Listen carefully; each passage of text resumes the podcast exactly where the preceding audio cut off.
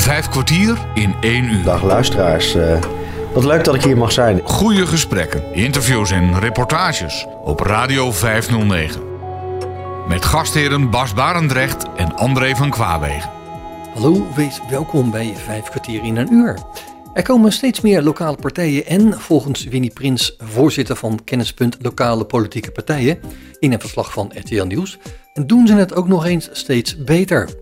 Dat komt volgens haar door verschillende dingen. Mensen willen af van het Haagse en de landelijke partijen en die hebben het dan ook steeds moeilijker tijdens de gemeenteraadsverkiezingen.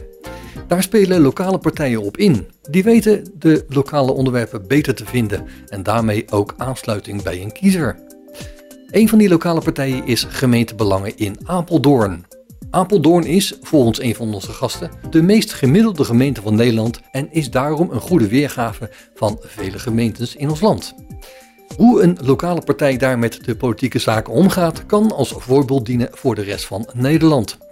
Bas spreekt straks met partijlid Anton Huygens. Maar laat eerst Michiel van Asselt aan het woord. Ik ben 39 jaar en ik ben geboren en getogen Apeldoorn. Ik ben op mijn 18e ongeveer verhuisd naar Groningen. Daar ben ik gaan uh, studeren, communicatie. En uh, daar ben ik voor het eerst in mijn leven echt in aanraking gekomen met politiek. Natuurlijk kreeg ik altijd wel wat mee van mijn vader en van ons gezinsleven. Maar daar leerde ik uh, toen een tijd, Leven in Vrede, Pim Fortuyn kennen. En daar is mijn tocht met politiek begonnen. Ik ben daar actief geworden, uh, ben door verschillende partijen uitgenodigd met de gemeenteraadsverkiezingen in Groningen. En ik heb daar verschillende partijen leren kennen en gekeken hoe ze in elkaar zaten. Ik ben verder afgestudeerd in Amsterdam. En, uh, Ook in de politiek gezeten daar? Uh, nou, niet heel actief. Ik was bezig daar met mijn studie en ik heb wel in een, ja, de studentenvereniging veel plezier gehad. Een symposium heb ik georganiseerd. Echt het actieve politiek niet wel dat je uitgenodigd werd bij verschillende vergaderingen en dat soort dingen. En uh, ja, toen kwam een gegeven natuurlijk in het jaar, eh, jaar, jaar daarna of zo dat Pim uh, doodgeschoten was. En voor mij werd toen wel duidelijk dat door, door middel van mijn werk en, en alles, dat, dat ging gewoon door. Hè. Ik kreeg een relatie en het ging een beetje op, op zijn beloop. En inmiddels besefte ik wel, want ik had wel de afstudeerrichting politiek, zeg maar binnenlands bestuur. Dus ik ben toen naar de EU gegaan in die tijd. Wees kijken hoe het er werkte? In, in Brussel, inderdaad, ja. En uh, nou, verschillende rondleidingen gehad daar in Brussel. En, en zo is dat een beetje bij mij in de aderen gekomen. En uh, heb ik gezien wat er de afgelopen twintig jaar gebeurd is. Toen kwam ik op een gegeven moment in een situatie dat ik zei van... ja, ik, als ik me echt ergens settle met een gezin en dergelijke... dan wil ik ook iets betekenen voor mijn omgeving. En, en ik zag ook dingen gaan wat ik niet vond zoals het hoorde. Ik, ik merkte de afbreuk van de AOW bijvoorbeeld. Hè, dat, dat mensen uh, niet meer geïndexeerd werden op het gebied van uh, met de rente. Dat alles. Uh, kwam op een gegeven moment kwam het ziekenfonds werd afgeschaft. Dat kwam het, al die dingen die maar langzaam gebeurden. Daardoor heb ik dat wel altijd gevolgd. En, en de afgelopen twintig jaar gezien en gevoeld hoe Nederland het hele ja, het systeem werd afgebroken, als het ware. En toen kwam de situatie dat ik mij dus echt ging vestigen, wederom in Apeldoorn. Ja. En nou ja, ik heb toen gezegd, ik ga ermee aan de slag als ik ergens uh, huisje, boompje, beestje krijg. Dat werd daar, een prachtige dame van een dochter, Lieselotte. En een prachtige, schitterende vrouw van uh, Margreet. En, um, Die overigens ook actief is in de politiek. Ja, ja, zij is uh, daarnaast juffrouw. Dus die ziet ook een heleboel gebeuren in, in Apeldoorn-Zuid. Dus best wel een, een wijk met veel verhalen. En daar heeft zij natuurlijk best wel veel contact met, met hè, hoe werkt het met een rugzakje. En, en die heeft natuurlijk de afgelopen twintig jaar heel veel meegemaakt in het onderwijs. Hoe dat helemaal veranderd is en, en hoe dat allemaal... dat er steeds meer kinderen op school moesten blijven om, om een idee te geven.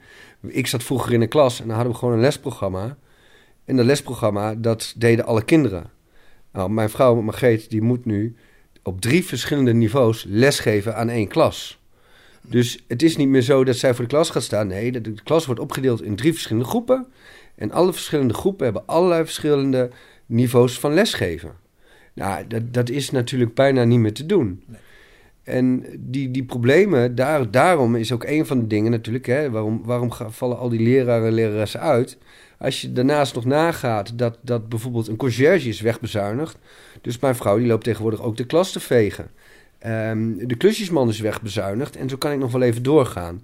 Dus alles is op de, op de, op de schouders gekomen van de leraar of lerares. Ja, daar hadden we melkutbanen voor, hè? Ja, nou ja, ik, ik vind... Kijk, een melketbaan aan zich is niks mis mee. Eh, kijk, ik, ik weet niet of het toen de tijd... Dat is natuurlijk lang geleden dat die melketbanen waren. Eh, nu hebben we ook melketbanen, noemen ze boa's. Ja. Kijk, kijk ehm, eh, de manier van een melketbaan mensen gewoon in een dienst te nemen... ik denk dat dat prima zou kunnen. Ik, ik vind eigenlijk dat, dat voor een gemeente het helemaal niet zo'n gek idee is... om erover na te denken om gewoon elke basisschool weer een conciërge te geven. Als je ergens wil beginnen met het, eh, het onderwijs en, en ervoor zorgen dat de uitval bij leraren en leraressen minder wordt, is het ze wat, wat ruimte geven in hun tijd en in hun werk. Kijk, dan zeggen ze altijd: leraren en leraressen hebben zoveel weken vakantie. Nou, mijn vrouw is in die vakantie gewoon rapport aan het maken en die gaat gewoon naar school om daar de dingen te regelen. Ja. Dus dat is vakantie, maar geen vakantie. En eh, daarnaast is het ook zo dat elke overuren die zij maken, die worden niet, daar krijgen ze niet opslag voor of wat dan ook. Dus als zij eh, s s'avonds nog aan het nakijken is thuis of zij heeft oude gesprekken, dat zijn geen uren die ze later nog eventjes aan het eind van de maand erbij krijgt. Nee. Dat is een all-in baan. Nou ja, en, en dat is natuurlijk wat voor sommige mensen best wel veel eh, nou ja, druk brengt. Helemaal als je dat op drie niveaus moet doen. Stem op mij, stem op mij, dan krijg je in jouw loonzak. Radio 509. Toen ben ik hier in Apeldoorn gekomen en bij de, bij de wijkraad begonnen. En eh, toen ben ik op een gegeven moment in contact gekomen met de man die jullie na mij eh, zullen horen. Dat is Anton Huygens. En Hoe kwam je daarmee in contact? ja, ik zit eigenlijk te denken. Volgens mij was het op een markt. Eh, wij ging, ik ging naar een. eh, ik zit te denken of wij elkaar voor die tijd hebben gesproken of na die tijd. In ieder geval, ik deed mee aan een cursus van de gemeente om eh, de politiek in de, ge- in de gemeenteraad te leren kennen. En daar was al een link tussen iemand met wie ik daar in die cursus zat en tussen Antoon. En zo zijn we met elkaar een keer een bol gaan drinken. En dat is de wijze waarop ik Anton heb leren kennen. En hoe wij gekeken eh, hebben van, nou, is dit dan de partij die bij me past? Hè? Want iedereen kwam bij die, bij die mensen die dan in die cursus zaten, die, willen ze allemaal aansluiten. Nou ja, ik was, voor mij was het heel duidelijk eh, welke kant ik op wilde. En dat was niet naar de landelijke politieke partijen. En het beleid wat ik al aangaf eh, eerder daarnet is, is hoe dat allemaal op de burger neergegooid is en met welke ehm, financiële gevolgen. En, en als, als je nagaat, laatst was er een, een rapport van de Rabobank dat eh, sinds 19, eh, dat er al 40 jaar geen echte officiële koopkrachtstijging is. Zullen ze natuurlijk nooit in het echt vertellen, maar zo is het wel. Ja, en, en dat, dat vind ik. Het kan niet zijn dat we 40 jaar geen koopkrachtstijging hebben. En dus alleen alles opgaat aan belastingen en aan eh, lasten en noem alles maar op. En zo is het gekomen dat, dat Anton en ik eh, gekeken hebben ook naar die partijen. En er waren toen de tijd met andere mensen in het bestuur. Er zijn mensen weggegaan. Hè? Zo gaat het vaak in. in En zeker in de politiek. en zeker in de politiek. En dan ook mensen overleden helaas. Haya, hè, de bestuurs toen de tijd, die inmiddels is overleden. En ja, dan ga je verder. En toen zijn wij op een gegeven moment in, eh, heb ik eh, mijn buurman erbij betrokken. Die, die komt ook uit de Woekerpolis-affaire inderdaad. Daar had hij een stichting eh, gemaakt. Dus die was financieel heel erg onderlegd. En daarnaast ook heel erg op het gebied van eh, marketingstrategieën. Die is erbij gekomen, die heeft een analyse gemaakt van onze partij. Nou, bleek dat het, nou ja, wat we ook wel een beetje wisten, die was gewoon wat, wat oud, nou ja, eh, lange tijd niks mee gedaan. Die moest afgestoft worden. Ja. En daar zijn we toen mee aan de gang gegaan. En dat hebben we de afgelopen twee, drie jaar gedaan. Eh, En eh, laten we zeggen, de afgelopen drie jaar, de eerste twee jaar daaraan besteed om een nieuw fundament op te bouwen. Een goede nieuwe visie en missie. En vanuit die optiek zijn we eh, de, de campagne gaan eh, bedenken. En, en wat willen we dan en welke kant gaan we op? En heeft de partij ook nog weer een nieuwe naam gekregen? Ja, de naam eh, Ja Gemeentebelangen hebben wij veranderd in GB Apeldoorn. Eh, gemeentebelangen Apeldoorn, dat, zegt het, hè? een heleboel zit erin. Maar ook mis je daar wel wat dingen aan. Kijk, wij werken niet voor, de gemeente, dus daar heb je al een, een, een, woord, eh, misvatting die kan ontstaan. Uh, maar GB Apeldoorn staat heel duidelijk voor de grondrechten en de burgerbelangen. En dat vinden wij, vonden wij belangrijk om dat ook nogmaals eens een keer duidelijk... Ja, een, een basisfundament van onze partij weer neer te zetten. En, en daar zijn we nu in de situatie uh, dat, dat wij nu voor de verkiezingen zitten. En uh, samen en hier iets moois van te maken. En, en in Apeldoorn te laten zien dat het echt anders kan. Want mensen uh, zijn al 20, 30 jaar het vertrouwen in de politiek kwijt. En er wordt al 20, 30 jaar niet naar ze geluisterd. En ja, dat is een hele moeilijke last eh, waar wij tegen knokken en waar we voor vechten. Maar wij geloven erin dat je dingen kan veranderen met elkaar. En dat je samen de maatschappij bepaalt. En als je dan met elkaar aan de slag gaat om daar iets van te doen, dan kan alles. Maar je moet er wel voor willen gaan. En daar hebben wij een hele club mooie mensen met elkaar gevonden die daar nu keihard voor bezig zijn. En lopen te folderen. Ja, twee keer in de week. Ja. Twee keer in de week lopen. Uh, ik denk dat wij nu zo'n uh, tussen de 35 en de 40.000 folders uh, in Apeldoorn gebracht hebben. Ik vraag me ook af of er ooit een partij in heel Nederland geweest is die met eigen partijleden alle huizen, straat voor straat, helemaal, helemaal in een gemeente als Apeldoorn, waar nu 170.000 mensen wonen, ongeveer 60, 70.000 brievenbussen. Ik weet niet of het ooit gebeurd is, maar één ding verdienen ze wel, dat is een flyer diploma.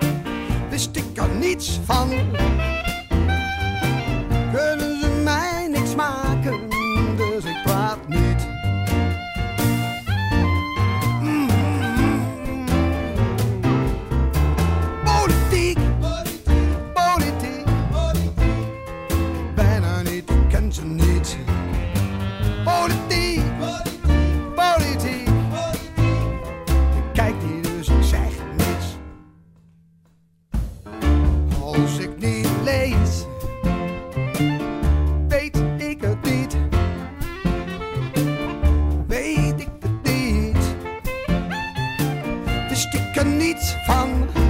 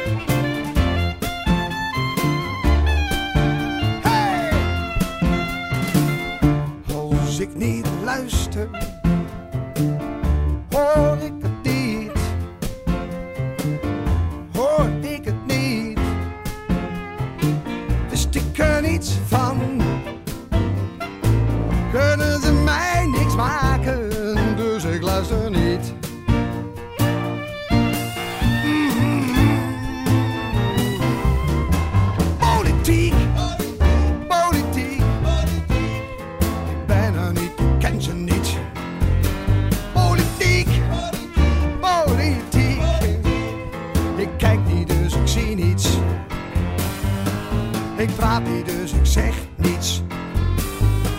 Ik kijk niet, dus ik zie niets. Ik ben er niet, ik ken Bas Barendrecht spreekt in het kader van de gemeenteraadsverkiezingen op 16 maart met twee leden van de lokale partij Gemeentebelangen van de gemeente Apeldoorn. Wie is eh, Anton Huygens? Eh, Anton Huygens is een raadslid van de gemeenteraad eh, in Apeldoorn. Ehm, ik ben geboren en getogen in Arnhem. In een eh, hele rustige wijk. Wij zijn op een gegeven moment eh, gaan wonen in het eh, huis waar Audrey Hepburn nog geboren is. Heel leuk. Daar zit een stukje geschiedenis aan. Nou, geschiedenis is iets wat mij sowieso erg boeit. Daar zit ook wat cultuur aan. Nou, cultuur boeit mij ook. Hè, dus de cultuurhistorie en dergelijke. Ehm, en mijn vader die was notaris. Dus was een notarisgezin. Eh, mijn moeder is op een gegeven moment overleden op vrij eh, jonge leeftijd. En mijn vader is hertrouwd met eh, een dame. Zij kwam uit Zeeland. En zij had ook een aantal kinderen. En wij waren dus een samengesteld gezin. Dat wil zeggen, ik, mijn twee jongere zusjes. En eh, twee eh, oudere broers. Eén broer die ongeveer mijn leeftijd eh, heeft. En nog een eh, oudere zus. Dus we waren met zeven kinderen. Mijn vader is op een gegeven moment is die notaris geworden in eh Husse. Dat ligt tussen Arnhem en Nijmegen. Eh, de Betuwe. Eh, mijn grootvader was overigens ook notaris in Elst. Dat ligt precies aan de andere kant van de, van de snelweg. Dus ook in de Betuwe. En het lag een beetje voorbestemd dat ik ook notaris zou gaan worden. Ik heb daar Nederlands recht gestudeerd vervolgens na mijn middelbare schoolopleiding. En tijdens die middelbare schoolopleiding begon het eigenlijk al een beetje te kriebelen als ik het dan heb over de politiek. Ik heb me altijd, eh, eh, ja, ik was altijd een beetje vrijzinnig. En ik vind eigenlijk dat een overheid zich zo min mogelijk met mensen moet bemoeien. Dus in die zin ben ik helemaal niet van de maakbare samenleving. En ik heb zoiets van, je moet mensen eh, in positie brengen. En dat zou een overheid in mijn beleving ook moeten doen. Ehm, vervolgens ben ik daardoor lid geworden van een vereniging van jongeren. Een grote vereniging. Er waren destijds 10.000 leden bij die vereniging. Ehm, en eh, die eh, vereniging die eh, groeide. En in Arnhem groeide die. En op een gegeven moment zei ze in het westen van nou, die mensen daar in Arnhem, met die meneer Huygens erbij misschien, die laten zoveel van zich horen. Laat ze maar eens naar Amsterdam komen. In het kader van if you can't beat them, join them. En eh, kom maar in het hoofdbestuur zitten. Dus ik heb daar in het hoofdbestuur eh, gezeten van die politieke organisatie. Eh, we hadden een jaarbegroting, om eventjes uit te duiden, van eh, 300.000 gulden. Wat best behoorlijk was in die periode. Ehm, en ehm, met die 10.000 leden kun je heel veel doen. In de zin van congressen, standpunten bepalen, eh, moties maken, amendementen maken. Dus op die manier leerde ik eigenlijk al vanaf 16, 17-jarige leeftijd het politieke bedrijf kennen. Nou, vervolgens ben ik gaan studeren in Nijmegen. Nou, Nijmegen is daarmee ook een beetje mijn stad eh, geworden. Eh, gestudeerd. Ehm, en daar ehm, ja, ook wel verder gegaan met die politiek, maar eigenlijk toch op een wat lager pitje. Lid geworden van de studentenvereniging daar. Ehm, kijk, in Nijmegen was van oudsher altijd de katholieke universiteit. Ik, heb ook, ik ben ook van katholieke eh, origine. De Rijksuniversiteiten, zoals we die kennen in Nederland, die hebben vaak een, eh, wat ze dan noemen een koor. Een katholieke eh, universiteit heeft dat niet, want een koor is a priori eigenlijk ja, onafhankelijk qua religie, zal ik maar zeggen.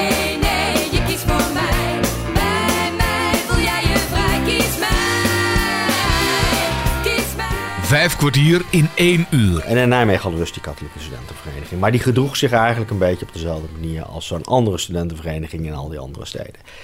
Daar heb je eh, onderverenigingen, gezelligheidsverenigingen, om het zo maar eens te eh, zeggen, van een man of...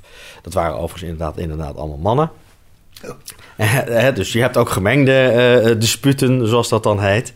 Ehm, maar op een of andere manier zijn die nooit zo'n lang leven eh, bescoren geweest. Je hebt ook wel eh, eh, damesdisputen, zal ik maar zeggen. eh, en herendisputen. En ik zat bij een dispuut dat heet Balder. We hebben in Nijmegen natuurlijk een Carolingische traditie met eh, eh, keizer Karel de Grote. En ja, dan eh, ontstaan er allerlei eh, eh, tradities in dat kielzog daarvan. Hè? Dus dan zie je dat eh, de zagen van Roeland, die dan de moren eh, uit Europa weghaalt, die blaast op zijn hoorn olifant. Dus er is ook zo'n eh, dispuut wat olifant heet. En hè, rond, rondom om die maren ontstaan dan al die namen. En als een soort tegenwicht eh, zijn er toen een aantal disputen gekomen die zich tooiden met Noorse namen. Zoals Balder is eigenlijk de god van, eh, de, eh, ja, van het voorjaar, van de lente, de nieuwe lente en de transformatie. En de transformatie tussen hè, de winter die, en het afsterven, dat, dat verdwijnt. En vervolgens ontluikt het jonge groen weer. Nou, dus eh, die recalcitrantie, zal ik maar zeggen, dat afzetten tegen die gevestigde orde. En het ontluiken van het nieuwe groen. Nou, dat ga ik dadelijk even eh, vasthouden voor het vervolg van dit gesprek. Want dat is misschien, zijn twee dingen die mij ook wel kenmerken. In de zin van dat ik eh, na mijn eh, studie eh, ben ik getrouwd. Twee kinderen. Ik heb mij gevestigd op een gegeven moment als advocaat. In Nijmegen ook. En na een tijd in die advocatuur gewerkt te hebben, was het zo dat mijn echtgenote, die werd wethouder. Dus toch weer een beetje dat politieke element erin. Ze werd wethouder voor de VVD. En we hadden het eigenlijk heel goed voor elkaar.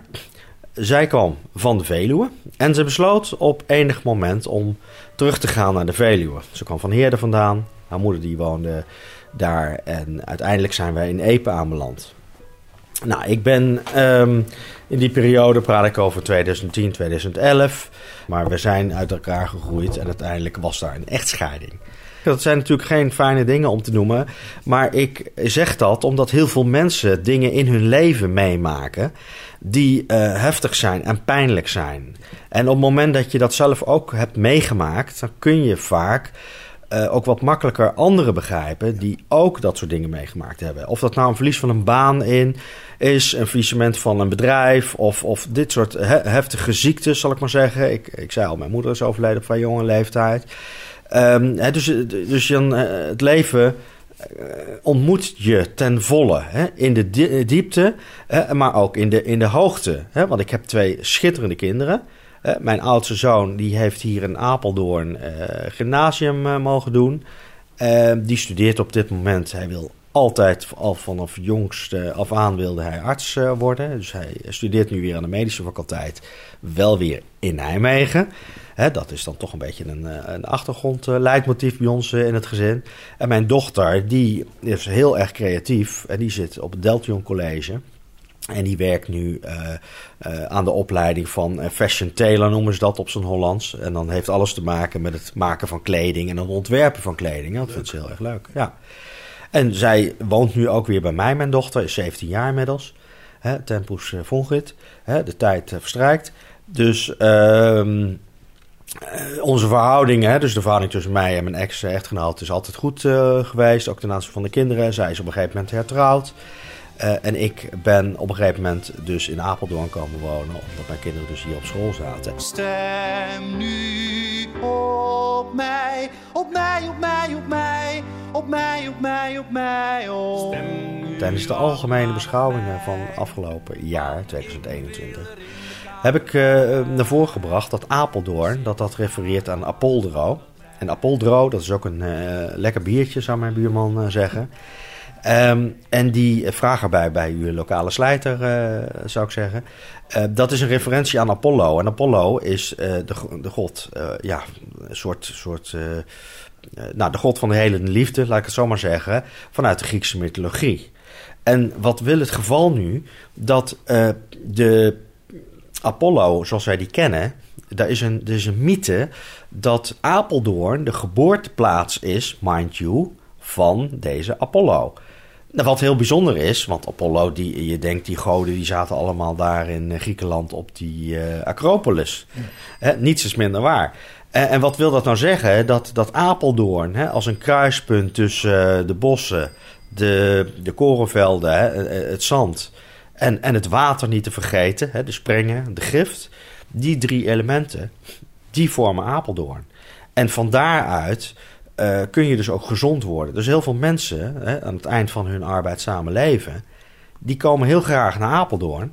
omdat ze hier kunnen ademhalen. Hè? Er is hier eh, eh, zuivere lucht. De lucht is fris. Ja. Ja, en, maar door dat zand, laat ik zeggen, is het ook minder vochtig. Dus heel veel mensen die met hun gewrichten dingen hebben, die, die vinden eh, Apeldoorn heel eh, weldadig aandoen. Hè? Mensen met reumatische klachten en dergelijke. Je ziet natuurlijk ook in Apeldoorn en omstreken, moet ik bijzetten, hè? Hoenderloo, Beekbergen, eh, niet te vergeten. Daar is natuurlijk ook heel veel recreatie om die reden. Hè? Omdat je heerlijk in die bossen kunt verpozen. Nou, die elementen met elkaar, die maken op een gegeven moment eh, dat, dat het een Apeldoorn goed toeven is. En daarom heb ik in het verleden ook wel eens gezegd, niet zo heel lang geleden, dat eh, ik zie Apeldoorn als het Florida van Nederland. Hè, met rust, ruimte hè, en, eh, en realiteitszin, Ja. voeg ik er dan snel aan toe.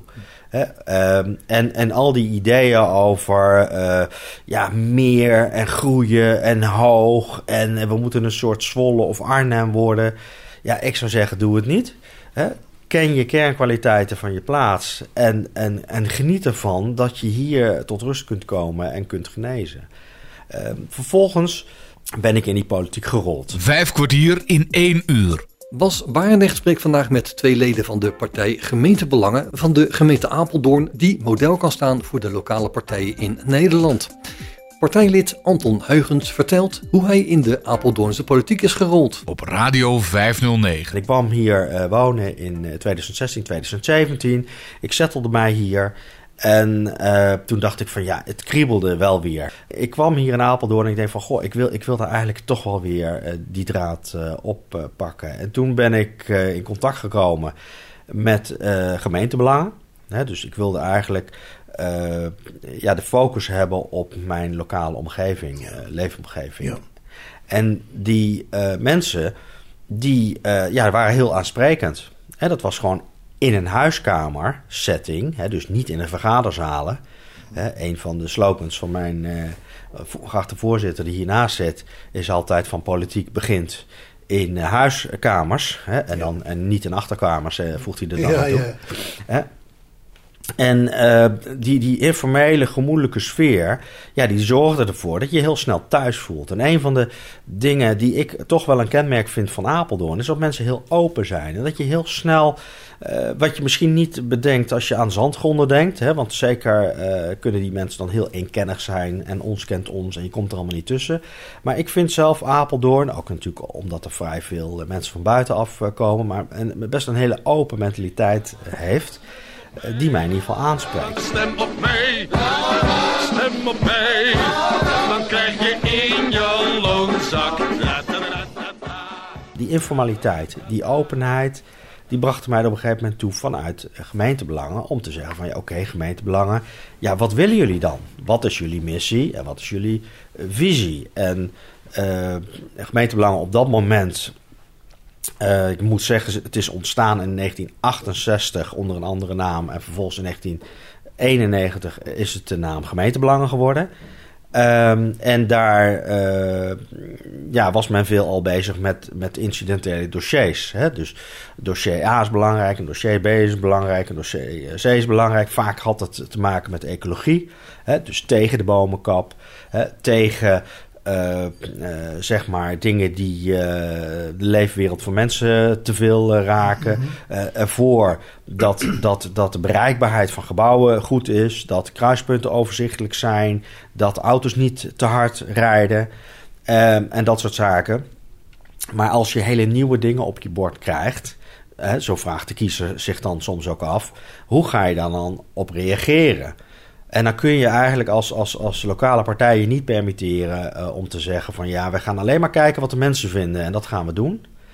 Dus je moet daar ook een visie in mijn beleving eh, op ontwikkelen. Nou, daar ben ik op een gegeven moment met een aantal mensen over gaan nadenken. Met eh, Michiel bijvoorbeeld, die hier naast me zit. En toen hebben we gedacht van ja, waar zit de kern van, van dat gemeentebelangen nou? Ik zeg wel eens van ja, wij zijn de gemeente. Met elkaar moeten wij het doen. Ja. En, en tegelijkertijd eh, snap ik ook dat heel veel mensen die overheid zien als een organisatie die zich een beetje tegenover de eigen inwoners gepositioneerd heeft. Ik zeg wel eens, de overheid is voor zichzelf begonnen. Ja. Hè? Met de ambtenarij, met de enorme eh, toename van de bureaucratie, de regeldruk. Hè, het is niet meer ondersteunend aan het leven van mensen. Maar de mensen die moeten zich een bocht wringen om die overheid eh, goed eh, te stemmen. Kijk, en, en dat kan niet zo zijn. Eh, een overheid moet zich eigenlijk zo min mogelijk met mensen bemoeien. Kijk gewoon naar de grondwet, hè, daar staat het in. Ja. In de kern staat daar gewoon in. En de overheid moet eh, het organiseren dat er zorg op orde is, inkomenszekerheid en een dak boven je hoofd. En wat de overheid niet moet doen, is zich bemoeien met je persoonlijke levenssfeer, en met je lijf en met hoe je denkt. Dat staat in de grondwet. En wat we dus constateren is dat die overheid eigenlijk diametraal zichzelf ten opzichte van die grondwet gesteld heeft. Nou hebben we in Nederland eh, geen eh, grondwettelijk hof. Hè, dat hebben we overigens wel, maar dat zit op Sint Maarten. Nou ja, die discussie wil ik graag nog een keer aangaan. Ja. Hè, en want het is heel eenvoudig om een afdeling in Den Haag neer te zetten van het Hof eh, wat in Sint Maarten zit. Maar die mag alleen maar toetsen regelingen die Sint Maarten raken. Dat is het Hof van het Koninkrijk der Nederlanden, zoals dat heet. Met de overzeese gebiedsdelen er dus bij. Heel weinig mensen die dat eh, overigens goed op netvlies hebben. Ehm, maar wij mogen dus niet toetsen aan die grondwet. Dat betekent dus dat als het parlement een wet aanneemt waarvan je zegt van ja, maar hé, hey, dat, dat klopt helemaal niet met de grondwet. Ja, dan kun je dus niet eh, naar een, een, een grondwettelijk hof gaan. Het enige wat je dan kunt doen is zeggen van ja, maar dit is ook in strijd met de Europese Verklaring van de Rechten van de Mens. En dan kun je naar het Europese Hof gaan. Hè, maar het, niet een Nederlands eh, hof. Maar dat zijn wel dingen die mij altijd bezig gehouden hebben. En die er ook toe geleid hebben dat ik op een gegeven moment de G van gemeentebelangen en de B van belangen vergroot heb. En daarvan gezegd heb van ja, maar dan eh, moeten we het hebben over grondrechten en burgerbelangen. Nou, die burgerbelangen, dat heeft heel veel te maken ook met inspraak. En we hadden in die periode, en praat ik ondertussen over 2018, bij de vorige gemeenteraadsverkiezingen, hadden we het over het referendum. Eh, mensen willen inspraak, mensen willen meedoen, mensen willen gehoord worden. Dus die component, dat is echt gemeentebelangen. We zullen op alle onderwerpen kijken hoe zit het met de burgerparticipatie. En niet alleen dat, maar eh, burgerparticipatie is namelijk vaak achteraf. Terwijl ik eigenlijk vind, inwoners moeten aan de voorkant meedoen bij het maken van het beleid. Dus je moet naar je inwoners gaan en zeggen van oké, dit hebben we op ons bord liggen. Hoe gaan we dat met elkaar nu oplossen? En ik geloof ook heel erg in de wisdom of the crowd, om het maar eens op zo'n Hollands te zetten.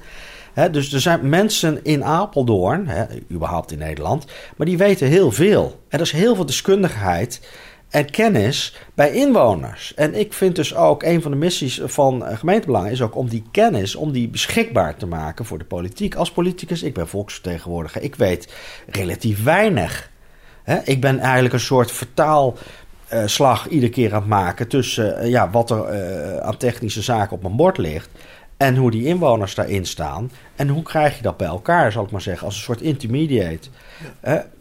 Intermediair die, die daarin in bemiddelt, zal ik maar zeggen. Ik hoef niet zelf alles te weten. Dus dat is dus het burgerbelangenverhaal. Nee, nee, je kiest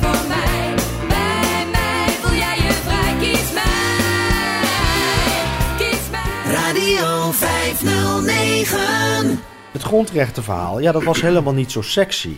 Hè, wat grondrechten, ja, wat, eh, hoe kun je dat op je brood smeren? Wat Ja. moet je ermee? Ja, hè, dus, dus heel veel mensen denken van... joh, ik ben bezig met mijn hypotheek en met mijn kinderen... en eh, zorgen voor brood op de plank. Totdat de overheid in één keer bedenkt... dat die achter je voordeur moet komen om allerlei redenen. Nou, we hebben het natuurlijk gezien met het coronabeleid. We hebben het gezien met allerlei andere zaken... als je bijvoorbeeld kijkt naar jeugdzorg... Hè, ik zit eh, als jurist in een praktijk met, eh, waar, waar familieproblemen spelen. Hè, echtscheidingen bijvoorbeeld. Nou, op het moment dat twee mensen van echt gaan scheiden en ze hebben kinderen... eh, dan moet je tegenwoordig een ouderschapsplan maken. Nou, ik, toevallig had ik vanmiddag nog op kantoor erover met mijn collega... dat zo'n ouderschapsplan is vaak aanleiding tot heel veel conflicten. Omdat partijen die zitten in een echtscheiding, die komen daar niet uit. Op het moment dat je geen ouderschapsplan hebt in een echtscheidingsprocedure, dan gaat er al een berichtje naar de Raad voor de Kinderbescherming. En dan hoeft er maar dit te gebeuren. Of je kinderen die worden onder toezicht geplaatst. En misschien zelfs uit huis geplaatst. Nederland als land met het hoogste uit huis, aantal uit huis geplaatste kinderen in Europa. Ja, gek. Nou, gek, het is schandalig. Ja, dat is het. En, en ik ben daar dus echt op een gegeven moment mee aan, tegen aangelopen ook. Want ik vond in eerste instantie ook zoiets van, van bestaat dit? Is, is dat hier? Ja. En dan ga je daar ook voor inzetten. Om daar ook eh, heel eh, krachtig vanuit je rol als eh, gemeenteraadslid. Wat kun je doen in de gemeente? 80% van wat wij in de gemeente doen komt uit Den Haag. En daarom zegt gemeentebelangen ook minder Den Haag, in Apeldoorn. Wij willen gewoon in Apeldoorn zelf de dingen gaan doen. Apeldoorn in Apeldoorn. Ja, Apeldoorn in Apeldoorn. Kijk, Apeldoorn is de meest gemiddelde gemeente van Nederland. We hebben eh 11 of 12, eh, als je Uggelen meerekent, dorpen. We hebben eh, een, een, een, een- stedelijke kern, zal ik maar zeggen. Nou, en daarmee, en een enorm buitengebied niet te vergeten. Hè, en mooie buitenplaatsen, natuurlijk het Lo, enzovoort, enzovoort. Het hè, eh, daar wonen eh, helemaal bijna geen mensen. En wat je dus ziet is die pluriformiteit, die staat misschien wel voor Nederland. Dus alle elementen van Nederland, die zie je eigenlijk terug in Apeldoorn als een soort mini-Nederland. Nou, als we dus hier de dingen op orde krijgen en met onze gemeentebelangen, die grondrechten en die burgerbelangen weer goed op de kaart weten te zetten, ja, dan denk ik dat wij een pilot, hè, dat wij een voorbeeld kunnen zijn voor de rest van Nederland over hoe je dingen aan kunt pakken. Want we moeten het samen met elkaar doen. We moeten weer het besef hebben als inwoners ook, dat we zelf aan het stuurwiel kunnen trekken. En dat we zelf op de gaspedaal kunnen duwen als het nodig is en op de rempedaal als het nodig is. En niet eh, zomaar ons laten meevoeren op de uitrol van een agenda uit Den Haag, Parijs of New York. En ja, dat drijft mij. En dan voel je ook een beetje dat de passie in mij, in mij loskomt. Want als je het hebt over kinderen, sorry hoor, die uit huis geplaatst worden. Dan ga je natuurlijk eerst janken, maar je wordt woest. En als je op een gegeven moment inwoners hebt die iedere keer genegeerd worden. En waar niet naar geluisterd wordt. Ja, dan word je op een gegeven moment ook eh, woest. En dat moet gewoon afgelopen zijn. En wij eh, streven dus ook op 16 maart, hè, mag je stemmen. Ook op 14, 15 maart zijn er een aantal stembureaus al lopen overigens. En als je dan je stem uitbrengt, ja, dan kun je sturen. Of inwoners weer eh, in de lead komen. Hè? Of inwoners zelf weer dat stuurwiel, eh, de gaspedaal rempedaal mogen bedienen. Of niet. Of dat we ons gewoon weer lekker laten meevoeren in allerlei verhalen uit Den Haag. Voor heel veel mensen die zullen zeggen van... joh, ach, het valt wel mee en het gaat eigenlijk best wel goed... en we hebben ons natje en ons droogje. Maar vergis je niet, je ziet een ontwikkeling. En die ontwikkeling die, die gaat niet de goede kant op. En daar maak ik me echt wel zorgen over. En het gaat niet alleen maar over dingen als, als eh, ecologie en klimaat... en achteruit hollen van een bijenstand. Hè, het gaat over het achteruit hollen van eh, de humaniteit, van de menselijkheid... het moment dat ik mensen ontmoet die, die voor hun mantelzorg eh, eh, bijdragen, eerst in moeten loggen en codes in moeten kloppen op een website, ja, daar word je helemaal doodziek van. Dat moeten we niet meer hebben. We moeten gewoon normale mensen van vlees en bloed achter een loket, die gewoon bereid zijn om, om in gesprek te gaan met hun mede-inwoners om dingen voor elkaar te krijgen. Nou, daar staan wij voor als gemeentebelang. We zijn nog altijd in de fleur, mijn lief. Al lijkt dat lang niet altijd zo. Nog even zot, maar niet meer zo naïef. Al is serieus zijn geen cadeau. Stel dat je weer eens voor de keuze stond. Kies dan voor mij en zeg dat je het niet moeilijk Jij mijn vrouw zijn, ik je man. Dat is wat ik noem een prachtig plan. De beste keuze die je maken kan. Kies mij.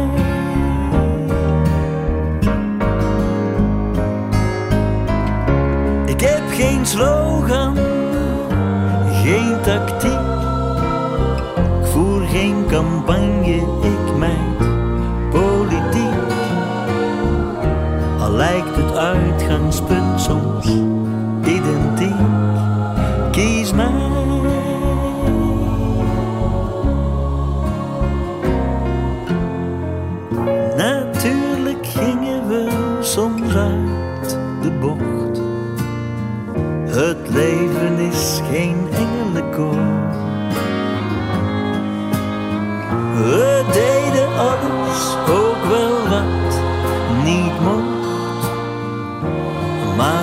zwommen onze dood. Leven de flipperkast van het bestaan. Bluts met de bouw, proberen om niet til te slaan. Jij mijn vrouw zijn, ik je man. Dat is wat ik noem prachtig plan. De beste keuze die je maken kan.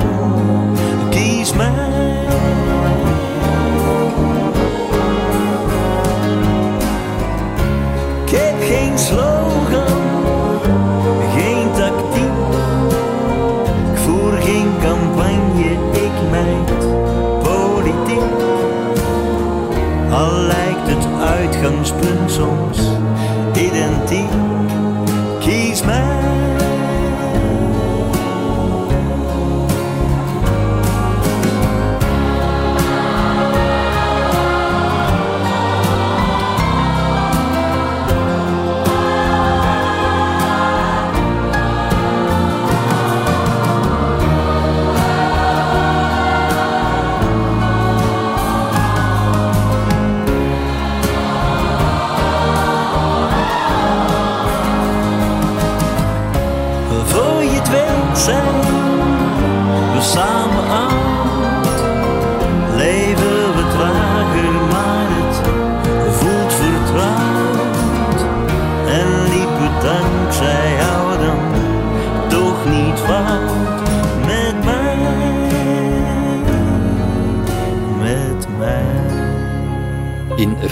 In een uur spreekt Bas Barendrecht in het kader van de gemeenteraadsverkiezingen op 16 maart met twee leden van de lokale partij Gemeentebelangen van de gemeente Apeldoorn. Ja, de vraag is eigenlijk van wat gaat gemeentebelang concreet doen? Eh, wat gaat GB Apeldoorn concreet doen op het moment dat je op lijst 12 je stem uitbrengt? We hebben als eh, GB Apeldoorn ehm, zes domeinen, speerpunten geformuleerd. Op het gebied van wonen, welzijn, zorg, financiën, op politiek en niet in de laatste plaats op de bedrijven van Apeldoorn natuurlijk. Nou, de be- bedrijven van Apeldoorn op dit moment, en dan eh, mag eh, Michiel mij eh, even bijvallen, dat zijn vaak bedrijven in de maakindustrie. Nou, daar kan Michiel heel enthousiast over vertellen, maar we willen dus echt de maakindustrie meer in positie brengen. Kijk, om daar, om daar wat meer over te vertellen, de maakindustrie. Ehm, en, en eigenlijk is het ook wat breder dan alleen Apeldoorn. Eh, maar hier in de omgeving van Gelderland ehm, is zo'n beetje de meeste high-tech van de hele wereld. Om één voorbeeld te geven, in het Harde zit een, een bedrijf eh, dat heet Mogema. En Mogema maakt grotendeels vele machineonderdelen voor de chipmachine van ASML. Nou, ASML, daar bent u misschien niet allemaal bekend mee, maar dat is de het meest high-tech bedrijf van de hele wereld. Zij maken chipmachines voor Samsung, voor Hewlett Packard enzovoort. Alles wat u tegenwoordig heeft, telefoon, ik zie hier hè, een fiets, een fiets eh, ding staan, televisie, home trainer inderdaad. Nou, ik, ik spreek hier door microfoon. hè, we hebben tegenwoordig allemaal sportwatches, overal zitten chips in. Die chips is momenteel een groot probleem in de wereld. Het zijn tekorten. En dat komt omdat ASML 90% van de wereldmarkt in handen heeft. En die kan niet genoeg machines maken om alle bedrijven op tijd te voorzien. Daarnaast heeft het ook te maken met alle grondstoffen en dergelijke, maar dat zal ik u even Maar besparen. daar wil ik even op inhaken. Het gaat dus over de machines. En het gaat over bedrijven die de machines maken die de chips maken. Daar gaat het om. Ja. En die bevinden zich in Apeldoorn. En als nou de vraag is van wat gaat gemeentebelangen concreet doen op het terrein bedrijven, dan gaan we dus met name de bedrijven die die machines maken om die chips te maken, die gaan we in positie brengen. Die gaan we meer aandacht geven en die gaan we eh, meer eh, in beeld brengen. Want er is momenteel gewoon een groot tekort aan eh, leerlingen die kunnen lassen, frezen. Hè, technische mensen, zo vaak wordt het al gezegd, maar dit is gewoon echt het keiharde handwerk en de mensen, de, vakmannen die dat moeten doen. Nou, we hebben hier in Apeldoorn een mooie middelbare Alventenschool. En als we daarmee samen kunnen werken, kunnen wij er hiervoor zorgen dat alle kennis en kunde ontwikkeld wordt ehm, voor dat frezen, lassen, zodat wij hier in Apeldoorn en omstreken goede leverancier kunnen zijn voor machineonderdelen voor de, een van de belangrijkste machines van de hele wereld. Want echt, dit is enorm eh, bijzonder. Ja, we zijn natuurlijk de gemeente, dus dan kijk je met name van hoe kun je nou faciliteren dat die stageplekken voor dit soort leerlingen eh, makkelijker bereikbaar worden. En daar ook in gesprek gaan met het onderwijs, met de scholen en met de bedrijven. Dus dat is het bedrijfsverhaal. Het verhaal rondom de financiën. De financiën van de gemeente Apeldoorn die eh, kenden een heel groot probleem. We hebben de zogenaamde gronddebakel gehad eh, van eh, de firma Racing. En dat is overigens ook aan het rollen gebracht door vragen en opmerkingen en, eh, die gesteld zijn vanuit de fractie van gemeentebelangen destijds. Ehm, en dat betekende dat eh, Apeldoorn heel eh, erg financieel in de problemen kwam. Nou, die begroting moet op orde komen.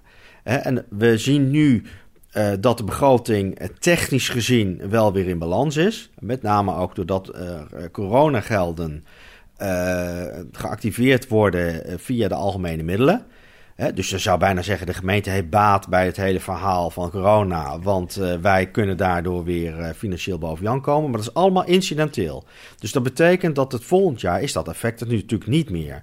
Dus wat de gemeentebelangen gaat doen, is werken aan een hè, bruine, boterham met kaasbegroting, zoals dat heet. En dat betekent ook dat je dus bij marktplein en dat soort investeringen, een nieuw stadhuis, eh, dat we daar echt eh, ja, pas op de plaats willen maken. Ja, eh, marktplein is er onderhand al, stadhuis is er al. Maar dit soort hele grote projecten, dat we toch veel strakker gaan kijken van moeten we al dat geld wel uitgeven aan dit soort overheidsprojecten. Terwijl aan de andere kant van het financiële verhaal, het sociale domein, waar wij heel veel op ons af hebben gekregen vanuit de landelijke overheid, echt grote tekorten zijn. Hè, dus eh, wat gemeentebelangen betreft moet dat veel meer in balans zijn. Dus dat op het punt van de financiën. Stem nu op mij, op mij, op mij, op mij, op mij, op mij, op mij, op. Stem nu allemaal op Vijf kwartier in één uur. En op het gebied van, als we het dan hebben over het sociale en het zorgdomein, daar is gewoon duidelijke sprake van een enorme managementlaag die daartussen zit, wat op een bepaald niveau ook heel veel geld opslurpt. We hebben bijvoorbeeld laatst een jongerenwerker bij ons gehad, die heet Joost Lito.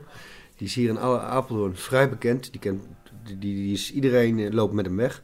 En die is weggegaan bij de gemeentelijke organisatie Stiemens.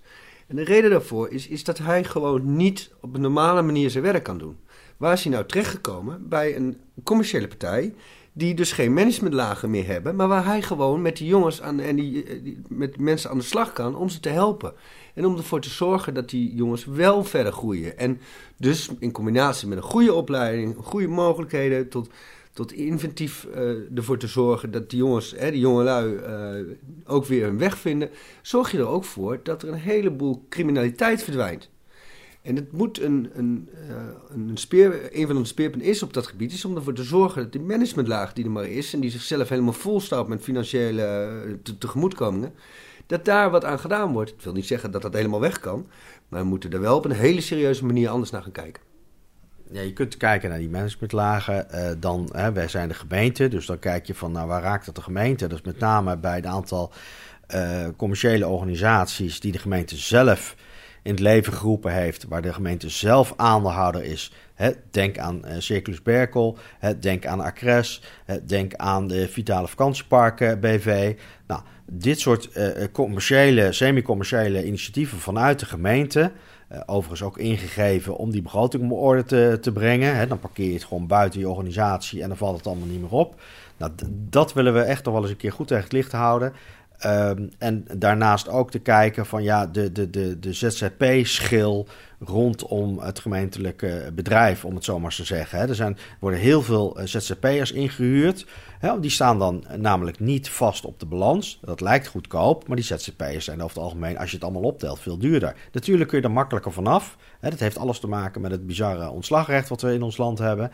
Hè, maar wij willen daar wel echt naar gaan kijken van joh, kunnen we dat nou niet eh, wat, wat strakker en organisatorisch beter inrichten. Dus dat is, het, dat is het financiële verhaal. Weet je wat stemlokaal is? Ja, dat is de Grimkel. Ja. Dan ga je woensdag de hele dag midden in de deur van het stemlokaal staan, Dirk. Oh ja, met, met een pilsje erbij. Ja, het is happy hour van 8 tot 8 uur, wat je maar wil. En een emmer met horing. Zoveel je er maar op kan, Dirk. En dan vraag je iedereen die komt stemmen, op wat hij gaat stemmen. Op, eh op lijst 6. Ja? Op lijst 6, hekkingsbelangen. En als ze niet op hekkingsbelangen stemmen? Dan komen ze er geen eens Oh ja, in. dat zeg ik niet. Nee, zorg Dirk. ik wel voor.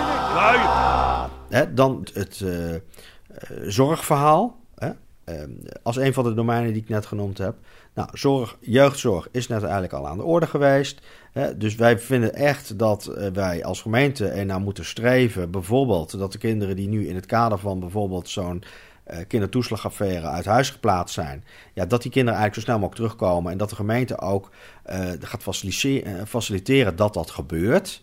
Het kost de gemeente heel veel geld, want alle kinderen die onder toezicht gesteld zijn of het huis geplaatst worden, ja, de, de budgetten daarvan die worden verleend door de gemeente. Dus wij vinden dat de gemeente ook veel meer in de regierol mag gaan zitten om daar veel kritischer naar te gaan kijken. En in onze beleving besparen we als gemeente dan ook geld. En als ik dan nog twee hele korte punten mag maken, Bas, want we zullen ook een beetje aan het einde van de uitzending zijn. Ik weet niet precies hoe het zit. In ieder geval, ik vind het belangrijk om te zeggen dat de wetgeving die momenteel allemaal op ondernemers, hè, horeca-ondernemers, MKB-bedrijven, waar ze mee doodgegooid worden voor een vergunning om een paar stoeltjes buiten te zetten, daar willen we echt, eh, ik zou zeggen rigoureus naar kijken. Maar goed, dat moet allemaal weer dan uitgezocht worden. Maar daar moet echt wat mee gebeuren. En ik vind dat eh, een een zaak waar we echt eh, ook nog heel veel aandacht en tijd eh, mee kunnen winnen, ook voor de ondernemers zelf. Ja, ik, ik wil nog even de, de, kort dan de domeinen langs. Hè. Eh, Zorg hebben we aangestipt, we hebben het financiële verhaal eh, aangestipt. Als we naar de politieke cultuur kijken, nou, de nieuwe bestuurscultuur in Den Haag snappen ze het nog niet. Maar we willen echt ook in eh, Apeldoorn die nieuwe bestuurscultuur introduceren. Door bijvoorbeeld, door, en daar hebben we twee concrete plannen voor. Ten eerste grote projecten, zoals bijvoorbeeld de, de, de, het hele klimaatverhaal. eh, dat willen we alleen maar ehm, aannemen, zou ik maar zeggen, daar de besluiten voor nemen. Op het moment dat 75% van de gemeenteraad daarmee eens is. Dat, dat, zouden we graag eh, zien. Hè, eh, grote eh, zaken die iedereen raken, dat is één. En het tweede is dat we veel meer inwoners betrekken willen bij die eh, besluitvorming. door bijvoorbeeld het houden van referenda. Dus dat, dat is dat domein ten aanzien van het eh, politieke veld. Dan hebben we nog eh, het, het domein welzijn. Nou, welzijn is natuurlijk een heel breed eh, begrip. Hè, welzijn boven welvaart zeggen we soms ook wel eens. Maar daar valt bijvoorbeeld ook onderwijs tussen. Hè, de gemeente is verantwoordelijk voor de gebouwen van de onderwijsinstellingen. En tegelijkertijd zien we het aantal scholen afnemen. Hè, eh, er gaan eh, heel veel scholen eh, die gaan eh, te, teloor eigenlijk. Nou, en wij zien dat aan de andere kant er een aantal scholen zijn die, die heel veel en veel te veel leerlingen krijgen. Nou, daar zien we een onbalans in en we, daar willen we ook ons licht op, op werpen. Ehm, dan hebben we het, eh, naast het welzijn en het zorgverhaal, hebben we natuurlijk een van de belangrijkste thema's van deze verkiezingen. En dat is het wonen. Hè, eh, mensen die eindeloos op een wachtlijst moeten staan. Starters die, die maar geen koopwoning kunnen vinden. Ehm, dat heeft ook alles te maken met de manier waarop wij in Nederland het hele systeem ingericht hebben met betrekking tot hypotheekrenteaftrek en, en allerlei andere zaken, waardoor de koopwoningen gigantisch in prijs eh, stijgen. Ehm, maar in, in Apeldoorn kunnen we dan eh, twee dingen doen. We kunnen met kleine woningcorporaties hè, van minder dan 50, daar kunnen we slagvaardig proberen op te treden om, ehm zou ik maar zeggen, eh, met, met lage huren ook huurders veel meer in positie te brengen bij hun eigen woningbouwvereniging. eh, ervoor te zorgen dat wachtlijsten korter worden, doordat er gewoon efficiënter en met minder managementlaag, wat net ook al gezegd werd, ehm, op te treden. Eh, en daarnaast kijken van ouderen, die zitten soms in grotere woningen, eh, maar die ouderen kunnen nergens heen. Nou, op het moment dat je eh, die ouderen tegemoet kunt komen door of veel beter na te denken over levensloopbestendige woningen als je ze al gaat bouwen. Maar goed, we zitten nu eenmaal met die mensen die in, in die grote eh, woningen zijn, vaak ook slecht onderhouden, eh, met alle kosten van dien. Mensen hebben misschien wel vermogen in hun stenen zitten, maar hebben maar een klein AOW'tje. Nou, daar moeten we echt naar kijken van hoe we die mensen kunnen helpen. En ik denk dat we dan eh, de beweging in de woningmarkt ook op gang kunnen brengen. Want oplossing voor het woonprobleem, voor, voor de woningnood zou ik zeggen, dat is niet per se alleen maar bouwen.